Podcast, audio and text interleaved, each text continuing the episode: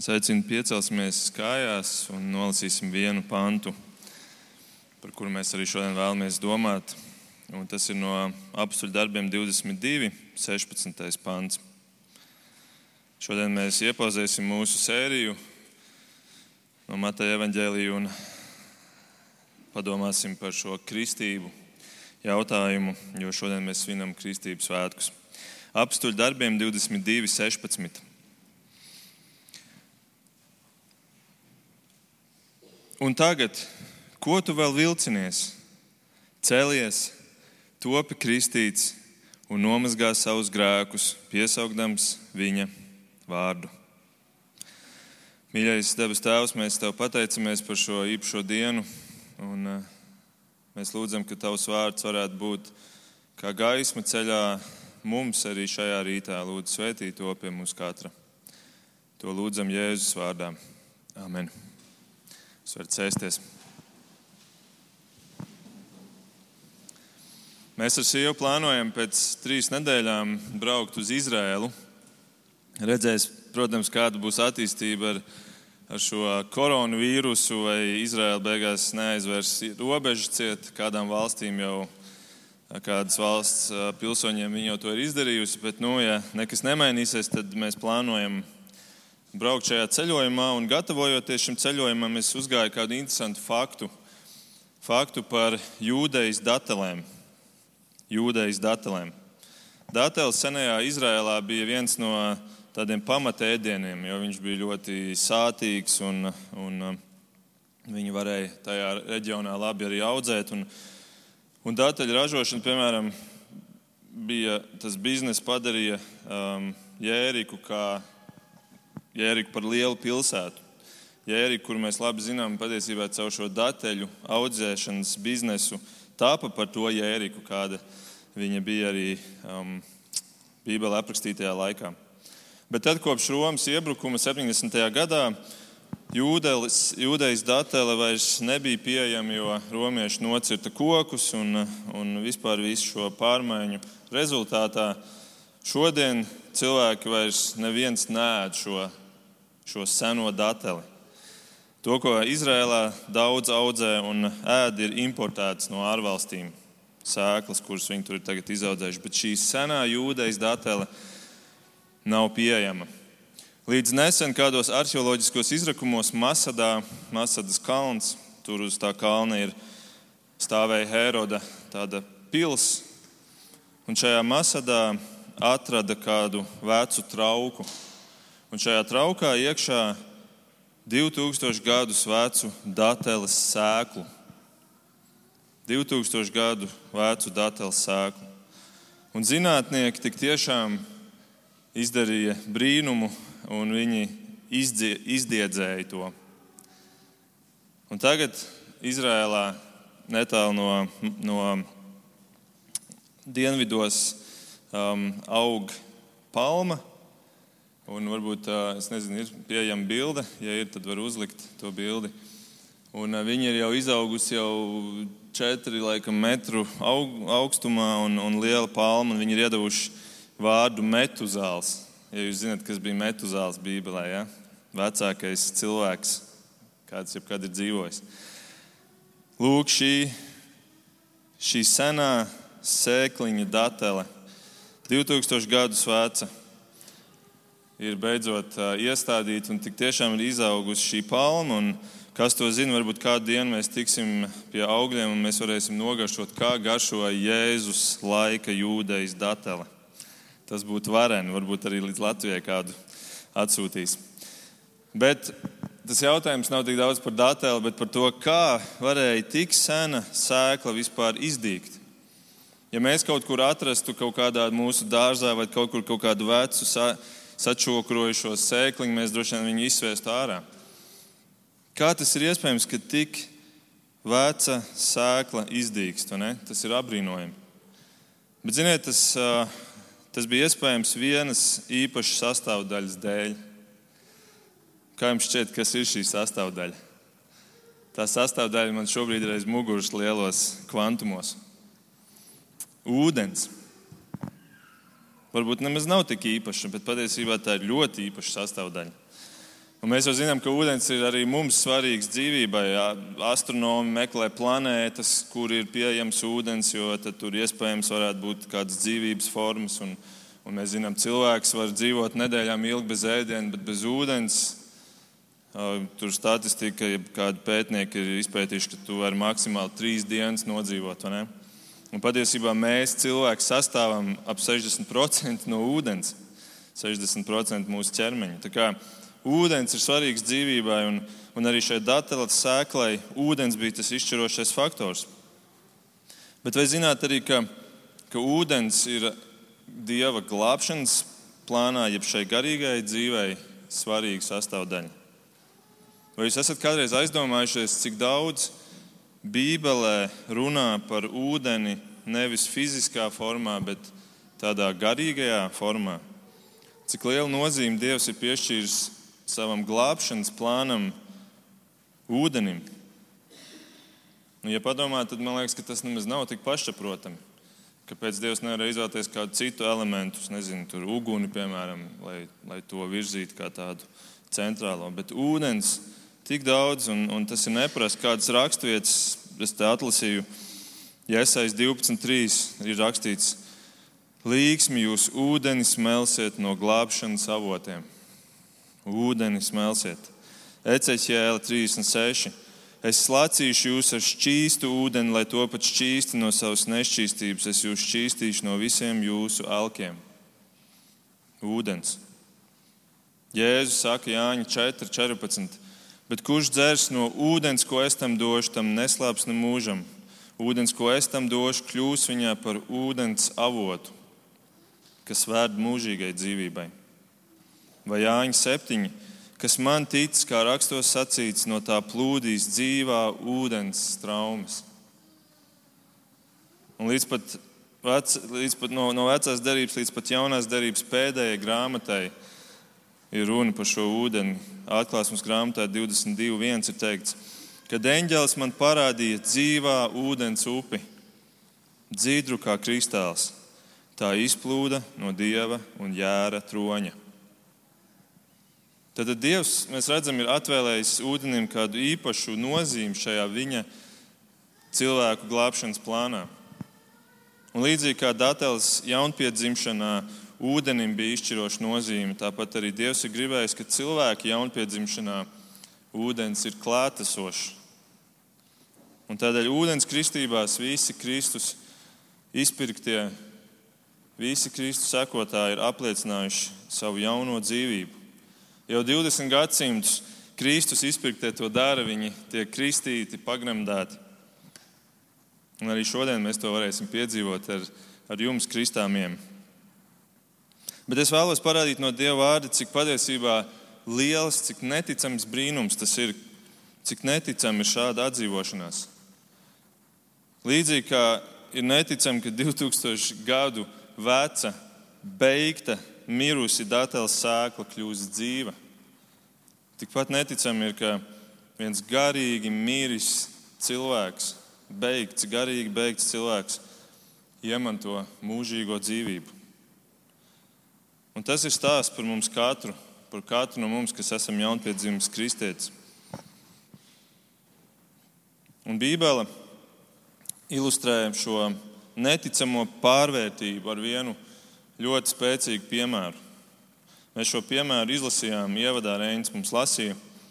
Tas ir Pāvils, apustulis Pāvils, jeb kā viņam iepriekš vārds bija Sauls no Tarsas. Tarsas Sauls. Viņš pats izstāstīja mums šo stāstu, šo savu atgriešanās stāstu šajā apstuļu darbu 22. nodaļā, kuru mēs lasījām. Viņš tur parādīja, cik viņš bija garīgi miris Viņš mums izstāstīja tur detaļās, un viņš citā vietā raksta, ka viņš bija zaimotājs un, un viņš bija, viņš bija pagrims cilvēks.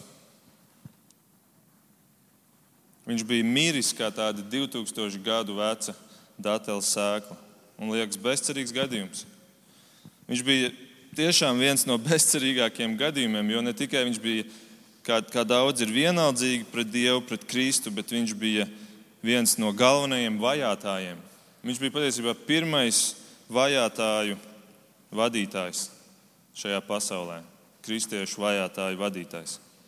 Šodien mums ir daudzās valstīs joprojām vajātāji, kuri vajā kristiešus. Mēs jau te esam tādi privileģēti, ka mēs varam šeit stāvēt svētdienā un runāt par Jēzu un, un, un kristības publiskas veidot un organizēt. Bet daudzās valstīs joprojām šādi pāvili staigā apkārt un meklē, kā noslapkavot kristiešus un apturēt šo vēstu. Un Pāvils bija dedzīgs, un viņš bija, viņš bija ļoti labi mācīts. Viņš bija mācīts pie iespējams leģendārākā, labākā, slavenākā rabīna Gamaliela kājām. Un Sauls bija tik dedzīgs, ka viņš jutās, ka viņš dievam kalpo ar šo savu darbu, ka viņš vajās tos kristiešus un viņš viņus izsakoja, izrāva no mājām, no slēpņiem, mēta cietumā, atbalstīja nomētāšanu ar akmeņiem. Pats viņš nebija gatavs ņemt akmeņus rokā, bet viņš turpat stāvēja blakus, kā vienā rakstvietā ir teikts, un turēja mētelīšu visiem tiem, kuri mēta akmeņus Stefanam. Viņš tur bija klāts, viņš to organizēja, viņš saņēma rakstiskas atļaujas, lai dotos pat uz tālām pilsētām un meklētu šos aizmukušos kristiešus, Jēzus mācekļus. Tā kā to dienu, kad viņš devās uz Damasku. Es paskatījos Google Maps, no Jeruzalemes uz Damasku ir ap 300 km.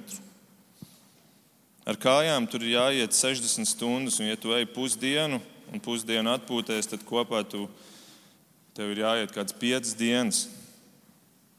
Tev ir jābūt tiešām motivētam, lai, lai dotos tādā ceļojumā.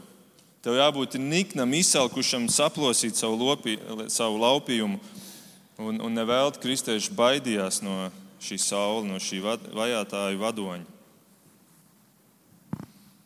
Bet kas notika? Kā varēja notikt tik kardināls izmaiņas, kad tikai trīs dienas vēlāk viens no šiem kristiešiem, kurš arī baidījās, dzirdot, ka viņam jāiet pie Pāvila, ka viņš stāv šī Pāvila, šī saule priekšā un sejā viņam saka šos vārdus: Ko tu vēl vilcinies? Celies, top kristīts un nomazgā savus grēkus, piesaugdams Jēzus vārdu. Ko tu vēl vilcinies? Ko tu vēl vilcinies? Kā tas ir iespējams? Tik miris, garīgi miris cilvēks, tik pēkšņi spēja tā izmainīties. Kad tiek aicināts kāpt kristību baseinā, kristību upē un un apliecināt savu ticību Jēzum Kristum. Kāds ir iespējams to atbildi mums dot šis vīrs, šis drosmīgais vīrs, kristietis, kurš stājās pretī Pāvilam, aci pret aci ar šo Pāvilu. Un šis vīrs ir vīrs vārdā Ananija. Dieva vīrs, kurš bija Dieva sūtīts pie Pāvila, un Dievs viņam bija iedevis līdzi vēsti, ko tev vajadzēs Pāvilam pateikt sejā. Un šī vēsts izskaidro Pāvilam, kas ar viņu notika, kādas izmaiņas ar viņu notika. Un šī vēsts izskaidro to arī mums šodien. Un es ticu, ka šis Pāvils stāsts ir stāsts par mums katru. Es zinu, ka ir, ir arī citi viedokļi, ka tas bija īpašs gadījums, bet es ticu, ka tas ir stāsts par mums katru, par tevi un mani, par jums, kristāmajiem. Varbūt citā formā, mazliet citā izskatā, varbūt ar citu intensitāti, bez gaismu efektiem un, un tūkstnešu pārgājieniem. Tomēr pēc jēgas un būtības identisks. Un šodien es vēlos izdarīt kaut ko atšķirīgu kā parasti, un es vēlos ar jums iet atpakaļgaitā. Iet atpakaļgaitā, es jums nevaru parādīt, kā ir iet atpakaļgaitā, jo tur baseins ir aiz muguras. Bet Bet mēs iesim atpakaļ gaitā, es vēlos jums īsus piecus soļus parādīt, kas aizveda Pāvilu līdz šim sastajam solim kristībām. Kad Pāvils tiek aicināts kāpt upē un tiek kristīts, pirms tam ir bijuši pieci soļi, kas ir viņu aizveduši līdz tam. Un es sākšu ar piekto, un es iešu atpakaļ gaitā līdz pirmajam. Un jūs varat atvērt, turēt vaļā to savu um, 22. nodaļu apstuļu darbos un paskatīties man līdzi. Tātad mēs tur 16. pantā lasījām, ka, jā, ka Pāvēlam tiek teikts, un tagad, ko tu vēl vilcinies? Mēs varam teikt, kāpēc šāds jautājums? Acīm redzot, ir bijusi kaut kāda informācija pirms tam, kaut kādi, kaut kādi pamatojumi, kāpēc tagad viņam var teikt, nu tagad, ko tu vēl vilcinies? Pēc vis tā, ko es tev tikko teicu, ko tu vēl vilcinies? Kas ir šī informācija, kas ir šis pamatojums kristīties? Iepriekšējā pantā tur ir teikts tā, tu būsi liecinieks visu cilvēku priekšā par to, ko esi redzējis un dzirdējis. Tātad piektais solis ir, tu esi liecinieks, tu būsi liecinieks. Un es patiesībā uzskatu, ka šeit tas ir teikts nākotnes formā, bet Pāvils to jau piedzīvojis šajā notikumā, kas viņam bija ar Jēzu uz šī Damaskas ceļa. Un vienlaikus, kā jau daudz kas Bībelē ir ar skatu uz pagātni un ar skatu uz nākotni, kad viņam tas viss arī attiecās uz to, kā viņš dzīvos tālāk savu dzīvi. Tātad piektais solis ir kristies, jo tu liecināsi. Tu liecinās, tāpēc, ko tu vēl vilcinies? Ej un tiec kristīts. Pāvēlam tiek teikts, tu būsi liecinieks visu cilvēku priekšā. Un parasti mēs varbūt teiktu otrādi. Mēs teiktu, tu būsi Jēzus liecinieks, jo tu esi kristīts. Tagad, kad tu esi kristīts, nu tagad tu vari iet un būt liecinieks. Bet šeit ir pretēji. Šeit ir teikts, tu tiec kristīts, jo tu būsi liecinieks. Tātad mēs redzam, ka tava kristība nav finiša līnija, kur tu tagad esi nonācis līdz tam posmam, ka tagad es kļūstu par kristieti un noslēdzu šo meklēšanas ceļu, un, un nu, dzīve aktīvā beidzās. Nē, tā ir starta līnija. Šis pāns parāda, ka tagad viss tikai sāksies. Tavai kristībai līdz ar to ir kāds augstāks mērķis. Tas nav tikai kāda zīmoga uzspiešana manā pasē, ka es tagad piedaru Kristum. Tam ir kāds mērķis. Un, diemžēl ir daudz cilvēku, kuri ir kā zīdaiņi tikuši kristīti, un tagad viņi domā, ka ar to ir finiša līnija aizsniegta, biļete uz debesīm man ir kabatā. Ja nu tiešām eksistē Dievs, nu tad vismaz es esmu bērnībā nokristīts, un ar to man pietiks. Nē, ar kristībām Mēs apliecinām piedarību Kristum, un pēc tam seko daudzi citi apliecinājumi dzīves laikā. Tādā veidā mēs kļūstam par lieciniekiem. Kristības ir pirmais solis liecināšanai cilvēku priekšā. Un Pāvils tas bija ļoti svarīgs solis, lai apliecinātu saviem, saviem līdzinējiem draugiem, tiem virspriesteriem un tiem, tiem sinedrijam un, un tiem, kas viņu sūtīja, tiem vajātājiem, lai apliecinātu, ka Es vairs neesmu jūsu pusē. Es vairs nekalpošu jums. Un tikpat svarīgi, lai apliecinātu otrai pusē, tiem, kurus viņš vajāja, šiem kristiešiem, ka nu es esmu jūsu pusē, nu es kalpoju tam pašam kungam, kuram jūs. Pāvēlam tas bija, tas bija mega svarīgs solis. Bez šī soļa neviens viņam neticētu. Un Pāvēlam mēs zinām, mēs lasām, ka viņam negāja viegli, jo kristieši sākumā neticēja viņam. Viņi neticēja, kā var šādas izmaiņas notikt. Un, un tad, kad viņi dzirdēja, ka Pāvils nāk pie viņiem, viņi tur slēpās un viņi baidījās viņu uzņemt, jo viņi domāja, ka varbūt viņš tikai izspēlē kādu viltu spēlīti, lai, lai piečakrātu viņus. Bet Viņiem tās bija ļoti liels pārmaiņas, un mēs pat redzam, ka viņam vārds nomainās. Ja iepriekš viņš bija Sauls no Tarsas, tagad viņš ir apstults Pāvils. Kristība ir reāls apliecinājums. Un arī šodien mēs šādu apliecinājumu redzēsim. Jūs, jūs četri šodien kristāmie, jūs šādu apliecinājumu sniegsiet mums, mums, kristiešiem bet arī šādu apliecinājumu jūs sniegsiet savam vecajam kungam, tam, kurš ir bijis kungs jūsu dzīvē līdz šim. Jūs ar to apliecināt, ka viņam mēs vairs nekalposim. Un tad Pāvils devās pie pagāniem un liecināja par Kristu, un jums būs savi cilvēki, pie kuriem jums Dievs ir plānojis caur kuriem aizsniegt, kurus aizsniegt caur jums Dievs ir plānojis. Un, un, un, un tādā veidā jūs arī kļūsiet ne tikai šodien par lieciniekiem, bet arī savā tālākajā dzīvē. Tātad kristīts, jo tu liecināsi. Nākamais solis - tu liecināsi, jo, kas ir iepriekšējā teikts, jo dzirdējis balsi no viņa mutes. Tātad es lasu pagātnes formā, jo mēs ejam atpakaļ gaitā. Tātad kristīts, jo tu liecināsi, liecināsi, jo tu esi dzirdējis Jēzus balsi, jeb balsi no Jēzus mutes. Un mēs lasām šajā notikumā, ka Jēzus tik tiešām runāja uz Pāvilu, un Pāvils dzirdēja Jēzus balsi tur ceļā uz Damasku.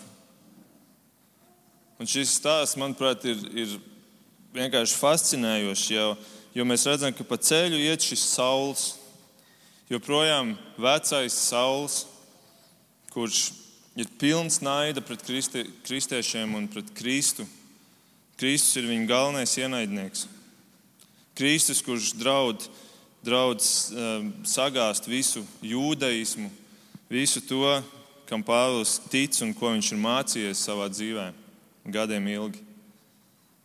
Un tur iet šis saules, un pēkšņi viņš redz gaismu un dzird balsi. Un šī balss saka, Saule, Saule, kādēļ tu mani vajā? Un ko Pāvils atbild? Ko Sauls atbild? Ko viņš saka? Vai viņš saka, Kas tu esi, spoks? Vai kas tu tāds esi, ienaidnieks? Ko viņš atbild? Jūs esat kādreiz tā apstājušies un padomājuši, ko viņš šajā brīdī atbild? Viņš saka, kas tu esi, kungs? Kungs ar lielo kāburtu, Kīrijai. Vai tas nav apbrīnojami, vai, vai lasot šo stāstu, es kādreiz apstājos un domāju, kāds ir iespējams, ka Sauls, kurš ir naid, naidīgs pret kristiešiem un pret Kristu.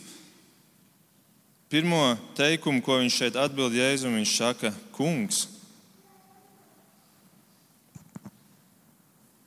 Ir vērts, ka mēs kādreiz apstājamies un padomājam par to, ko mēs lasām, un, un nesteidzamies tam cauri. Un, jo šim, šim teikumam ir ļoti liela nozīme, ļoti liels svars tam, tajā, kā mēs redzam, kā mēs tiekam glābti.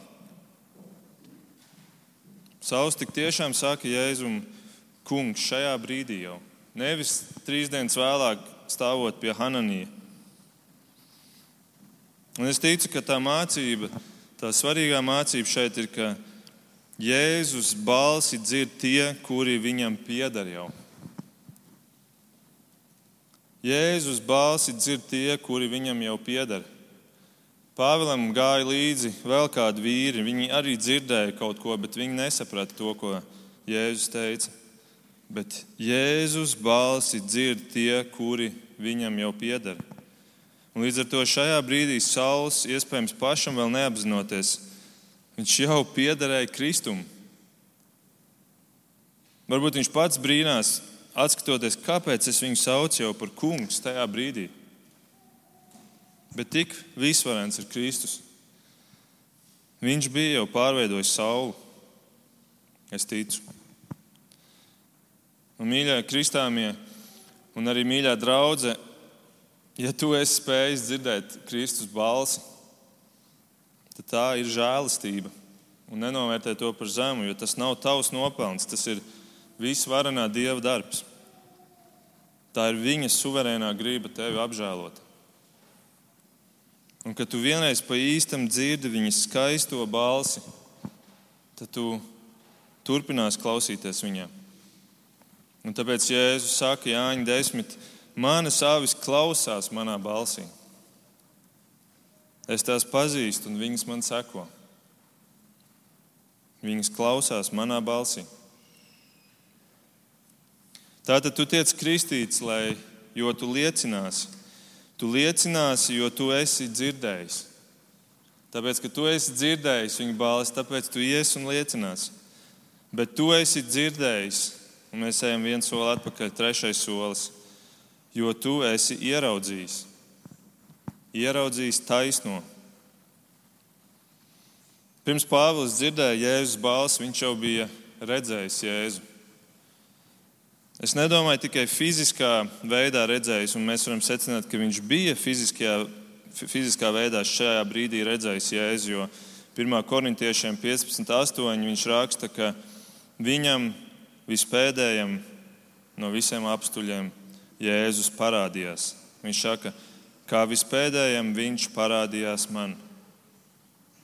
Tātad teologs saka, ka no šī mēs varam secināt, ka viņš fiziski redzēja arī Jēzu tajā gaismā. Bet tas ir otršķirīgi, tas pat nav svarīgi, tas pat nav tik svarīgi.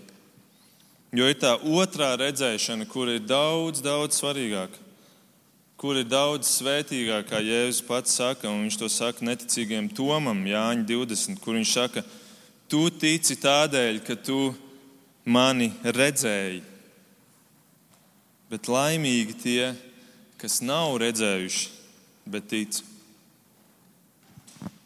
Ja tu neesi fiziski jēzu redzējis un tu spēj ticēt, tas tev ir daudz lielāks apliecinājums, ka tev ir īsta ticība, ka tā ir dievišķa ticība tevī, kur ir ielikta. Ka tu neesi viņu redzējis vaigā, bet tu esi viņu redzējis viņa īstajā būtībā. Un kas ir tas, kas atklāja to viņa būtību mums? Tas ir Dieva vārds. Jāņa pirmajā nodaļā ir teikts, ka vārds tapa miesa un mājoja mūsu vidū. Tātad tā īstā būtība, kuru mēs varam katru dienu redzēt, ir nevis Jēzus kādā gaismas mākonī, vai Jēzus kā persona, kur tagad stāvētu mums vaiga vaigā. Bet tā būtība, kurā mēs varam viņu iepazīt šodien, ir caur viņa vārdu, caur Bībeli. Un svētīgi tie, kuri neredzot viņu vaigā, tomēr redz vārdā un tic. Jo no vienas puses tā ir tā ticības jēga, ka tu neredzi un tu tomēr tici. Tas ir tas īstais apliecinājums. Un tādēļ, lasot Bībeli, mēs redzam Jēzu. Jēzus ir Jēzus fotografija ir, ir šī grāmata. Šī grāmata ir kā Jēzus bilde, kurā mēs varam ieskatīties. Tad, kad mēs gribam viņu redzēt, un mēs gribēsim viņu redzēt, tad mēs skatāmies viņā. Tad, kad es vēl dzīvoju Vācijā, es esmu uzaugusi Vācijā, un tad, kad man bija 17 gadi, tad es sarakstījos ar vienu meiteni Latvijā. Mēs rakstījām viens otram fiziskas vēstules, jo tajā laikā vēl nebija internets tik izplatīts. Es tik vecs jau esmu. Jā. Un, uh, un vēlāk šī meitene man apprecēja. Viņa man tagadējā sieva Estere. Bet tā kā es viņu nevarēju redzēt tajā laikā, tad es turēju savā makā viņas fotografiju. Un es bieži ielūkojos šajā fotografijā. Un tāpat ir ar mums, kamēr mēs vēl neredzam Jēzu vaigu vaigā, tikmēr mums ir dota fotografija, mums ir dota bilde, un tā ir Bībele. Un šai bildē ir priekšrocība, ka, ka nevis tā kā ar manu sievas bildi, kur ir nemainīga, mana sieva vienmēr izskatījās vienādi šajā bildē. Viņa vienmēr skatījās uz mani ar vienādu skatienu. Es neko daudz jaunu no šīs bildes neieguvu, bet tik un tā man patīk šī bilde. Bet šajā bildē mēs spējam augt izpratnē par Jēzu. Šī bilde savā ziņā, Jēzus izskats šajā bildē mainās. Mēs varētu teikt, hmm, tas jau izklausās vairāk pēc tāda video zvana. Jā, tas ir vairāk kā Skype, nevis kā fiziska, nekustīga fotografija. Mēs varam ne tikai redzēt Jēzu, bet mēs pat dzirdam caur šo vārdu viņu. Un tā nu mēs ieraugam Jēzu kā taisno, kā arī Pāvēlam ir teikts, ka viņš ieraudzīs taisno. Viņš ieraudzīja šo taisno, viņš ieraudzīja, ka viņam nav taisnība pašam, ka viņš devās vajāt kristiešu, bet viņam nebija taisnība. Un to viņš beidzot saprata šajā vietā, šajā ceļā uz Damasku. Un arī mums ceļā pie Kristus mums ir jāsaprot, ka mums nav taisnība. Tas mūs aizved pie nākamā soļa. Tad tu tiek, tiksi kristīts, jo tu liecināsi. Tu liecināsi, jo tu esi dzirdējis. Tu esi dzirdējis, jo tu esi ieraudzījis. Bet tu esi ieraudzījis, jo tu esi izpratis. 14. pāns - izpratis viņa gribu. Dieva darbs pie katra kristieša, kurš piedzimst no augšas, sākas ar, ar prātu. Vispirms prāts kaut ko izdara, pirms acis ierauga un ausis saklausa, un mūte iet un liecina citiem cilvēkiem. Un pirms vēl ķermenis izlēma kāpt šajā basēnā iekšā. Vispirms kaut kas notiek šeit, augšā. Un mēs redzam, izprast viņa gribu. Šis vārds griba lietots ir grieķu valodā tas pats vārds, kas ir mūsu Tēvs debesīs lūkšanā, kur mēs sakām, Tavs prāts, lai notiek kā debesīs, tā arī virs zemes. Mēs lūdzam, lai notiek Dieva prāts virs zemes, lai notiek Viņa griba virs zemes, jo tā jau notiek tur augšā debesīs. Debesīs jau viss notiek pēc viena prāta, pēc vienas gribas, pēc dieva gribas. Kamēr uz zemes viss notiek pēc miljardiem gribu. Jo katrs cilvēks dzīvo ar to savu gribu. Es gribu, es gribu laimi, es gribu naudu, es gribu atzinību, es gribu mantas, es gribu, gribu, gribu. Bet tad tu ej pa ceļu uz Damasku, un tu ieraugi Kristu, un tu saproti Dieva gribu. Un tu esi gatavs pieņemt šo Dieva gribu.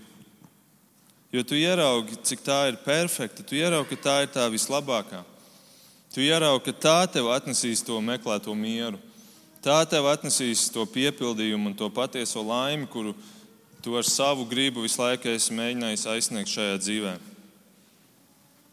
Un nu, tieši tas šeit notiek ar Pāvilu. Viņš izprata dieva gribu, pirms pats vēl saprata, kas notiek. Bet no tā brīža, no tā brīža Pāvils bija laimīgs cilvēks. Viņš domāja, ka viņš ir laimīgs, jo viņš ir Gamaliela māceklis un viņš cīnās jūdaismu vārdā pret šiem maldu mācītājiem, kristiešiem. Viņš domāja, viņš ir laimīgs cilvēks, bet tad, kad viņš ieraudzīja Kristu un saprata viņa gribu, tad viņš bija patiesi laimīgs cilvēks. Viņš kļuva par lielāko misionāru, kādu šī pasaule ir redzējusi. Viņa dēļ, pateicoties viņam, arī mēs šodien varam šeit, Vīlēnas draudzē, sludināt šo pašu evaņģēlīju, šo Kristus gribu sludināt. Arī pateicoties šim Pāvilam. Viņam dieva griba likās tik laba, ka viņš bija gatavs pat mirt par to. Un kā literatūra liecina, tad Pāvils tik tiešām nomira Kristus gribu pildot. Nomira pēc Romas imperatora Nērona pavēles, kad viņam tika galva nocirsta.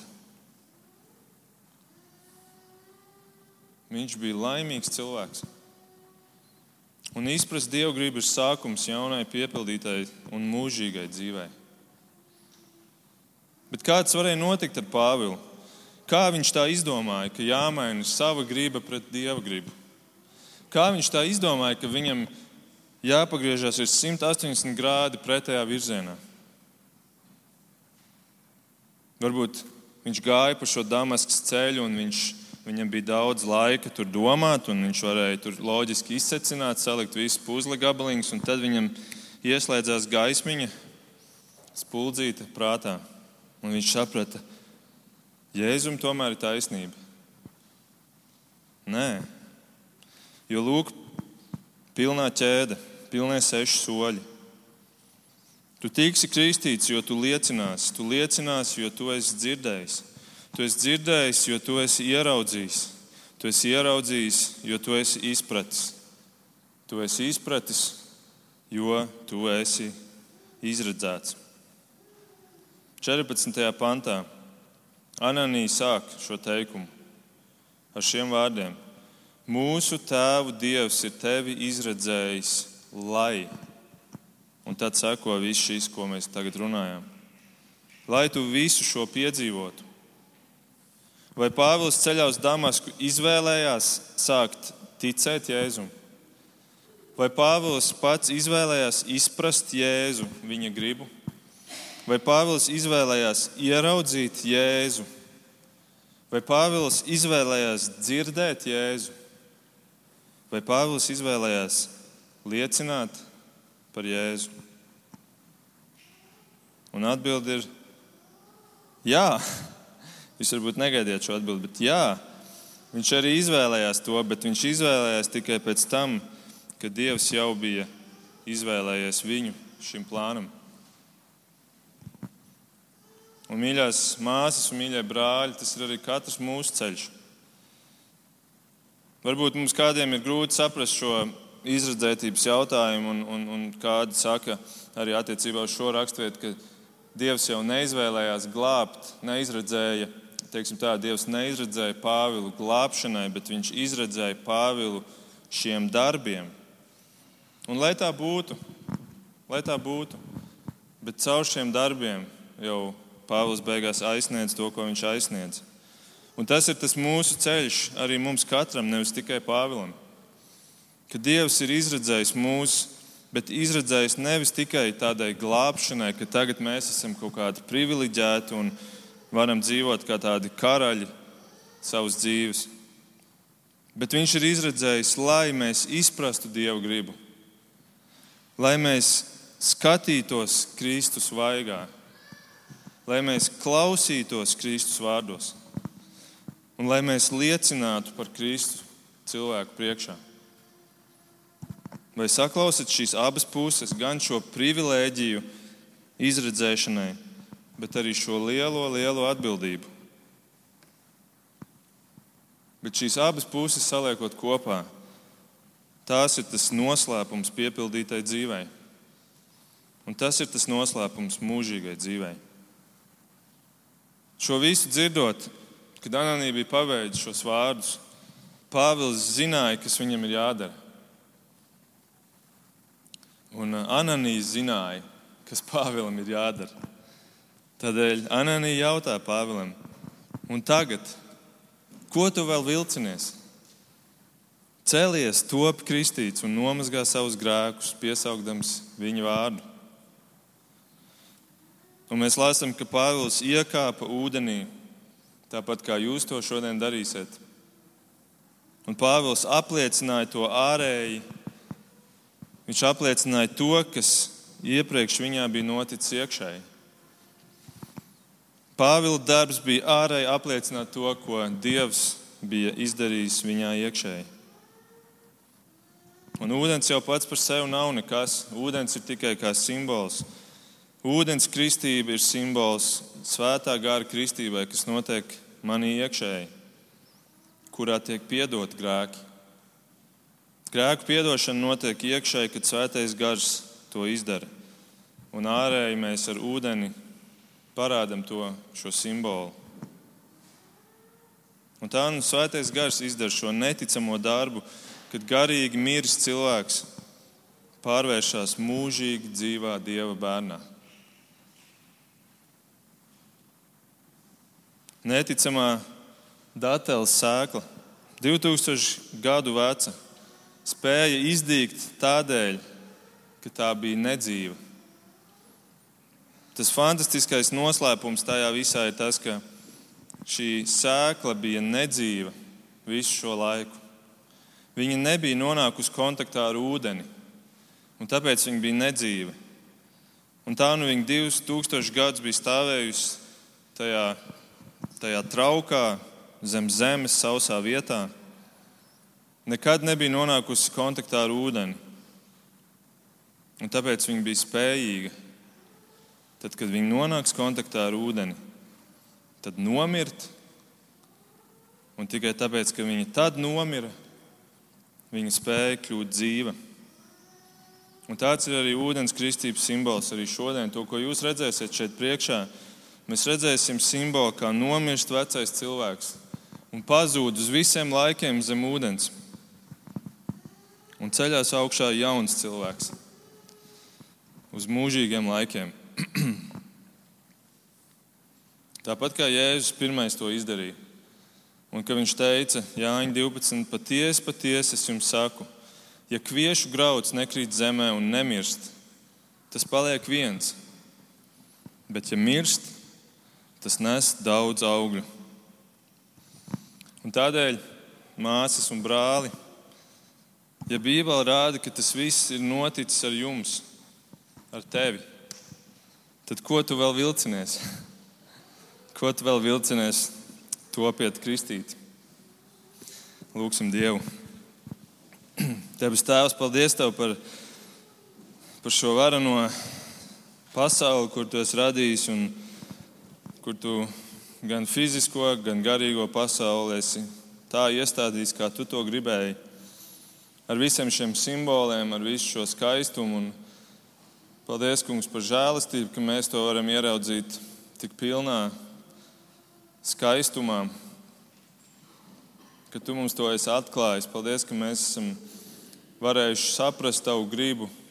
Kaut arī varbūt ne visu, bet to, ko Tu esi gribējis mums atklāt. Un ka to mums pietiek, lai mēs saprastu, ka Jēzus Tavā upurī mēs varam piedalīties, ejot nāvē, veco cilvēku, laižot nāvē zem ūdens uz visiem laikiem un ceļoties augšā jaunam radījumam. Jaunam radījumam, kurš grib skatīt tevi vaigā, kurš grib izprast tavu gribu, kurš grib klausīties tevi un kurš grib iet un liecināt to citiem cilvēkiem. Uz svētī mūsu jauno brāli un jaunās māsas mūsu draudzē un svētī viņu dzīves ceļus, kungs, ka viņi var būt kā pāvili, kuri iet un kā piepildīti cilvēki dzīvo piepildītu dzīvi tavam godam līdz pēdējai dienai, līdz dienai, kad viņi skatīs tevi vaigu vaigā un vairs ne tikai fotografijā. Jā, kungs, Jēzus, lai tev slavu un gods un pateicība. Amen.